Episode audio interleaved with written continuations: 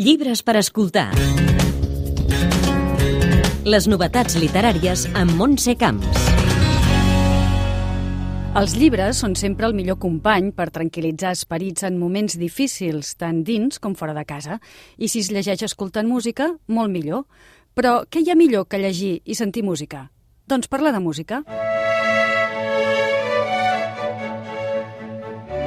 Ja fa quatre temporades que Margarida Arbàs, llicenciada en Filologia Catalana i membre del Departament d'Assessorament Lingüístic de Catalunya Ràdio, col·labora al programa de Catalunya Música Tots els matins del món.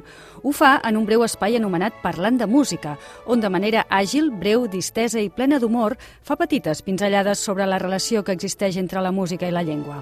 Ara, 27 de les prop de 150 locucions fetes s'han passat al paper i apareix en un petit llibre que publica l'exquisida editorial Bebop, un llibret que es llegeix amb avidesa. No vol ser una cosa erudita, però és clar sempre té aquell punt erudit. Vol ser una cosa distreta, que passi bé i que quan ho llegeixis o quan ho sentis entreguis alguna cosa, eh, hagis après alguna cosa, però t'hagi passat bé, hagi sigut un moment de relax.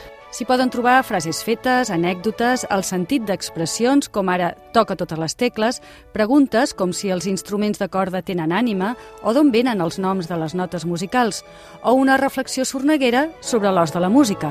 Aquest de l'os de la música és una barreja d'anatomia, broma i, i maneres de dir una mateixa cosa a diferents llengües. Jo mateixa no sé mai per on, per on sortiré quan, quan faig un tema d'aquests.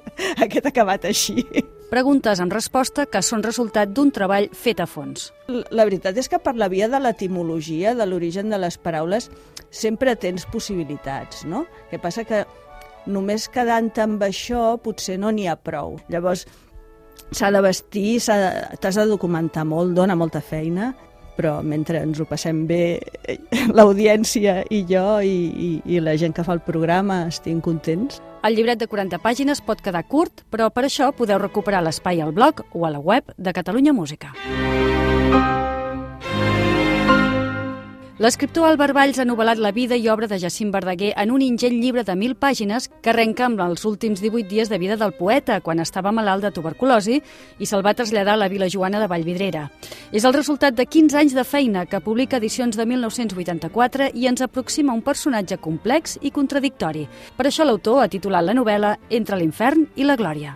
La seva vida podem dir que va ser un infern era un personatge poc adaptat eh, a les coses. Sempre patia, sempre... És a dir, no va tenir una vida plàcida. I la glòria, hi ha dues glòries. La del poeta en aquest món i la glòria celestial que ell cercava. Miquel de Palol publica Mònica Mir, una novel·la editada per Angle Editorial. El seu llibre més personal diu perquè hi ha elements de la seva pròpia experiència. A través d'una jove segura d'ella mateixa que coneix un grup de música que denuncia el capitalisme, l'obra reflexiona sobre les revolucions i si tenen algun sentit en la societat actual. Hitler i Mussolini i Hirohito van perdre la guerra, però jo tinc la impressió que que la situació actual no seria gaire diferent si l'haguessin guanyada. Vivim en, una, en un estat feixista, maquillat, adulcorat i distret. Realment no calen les SS, no cal la policia, perquè aquest paper ja el fa el mercat. Llibres per escoltar. Les novetats literàries amb Montse Camps.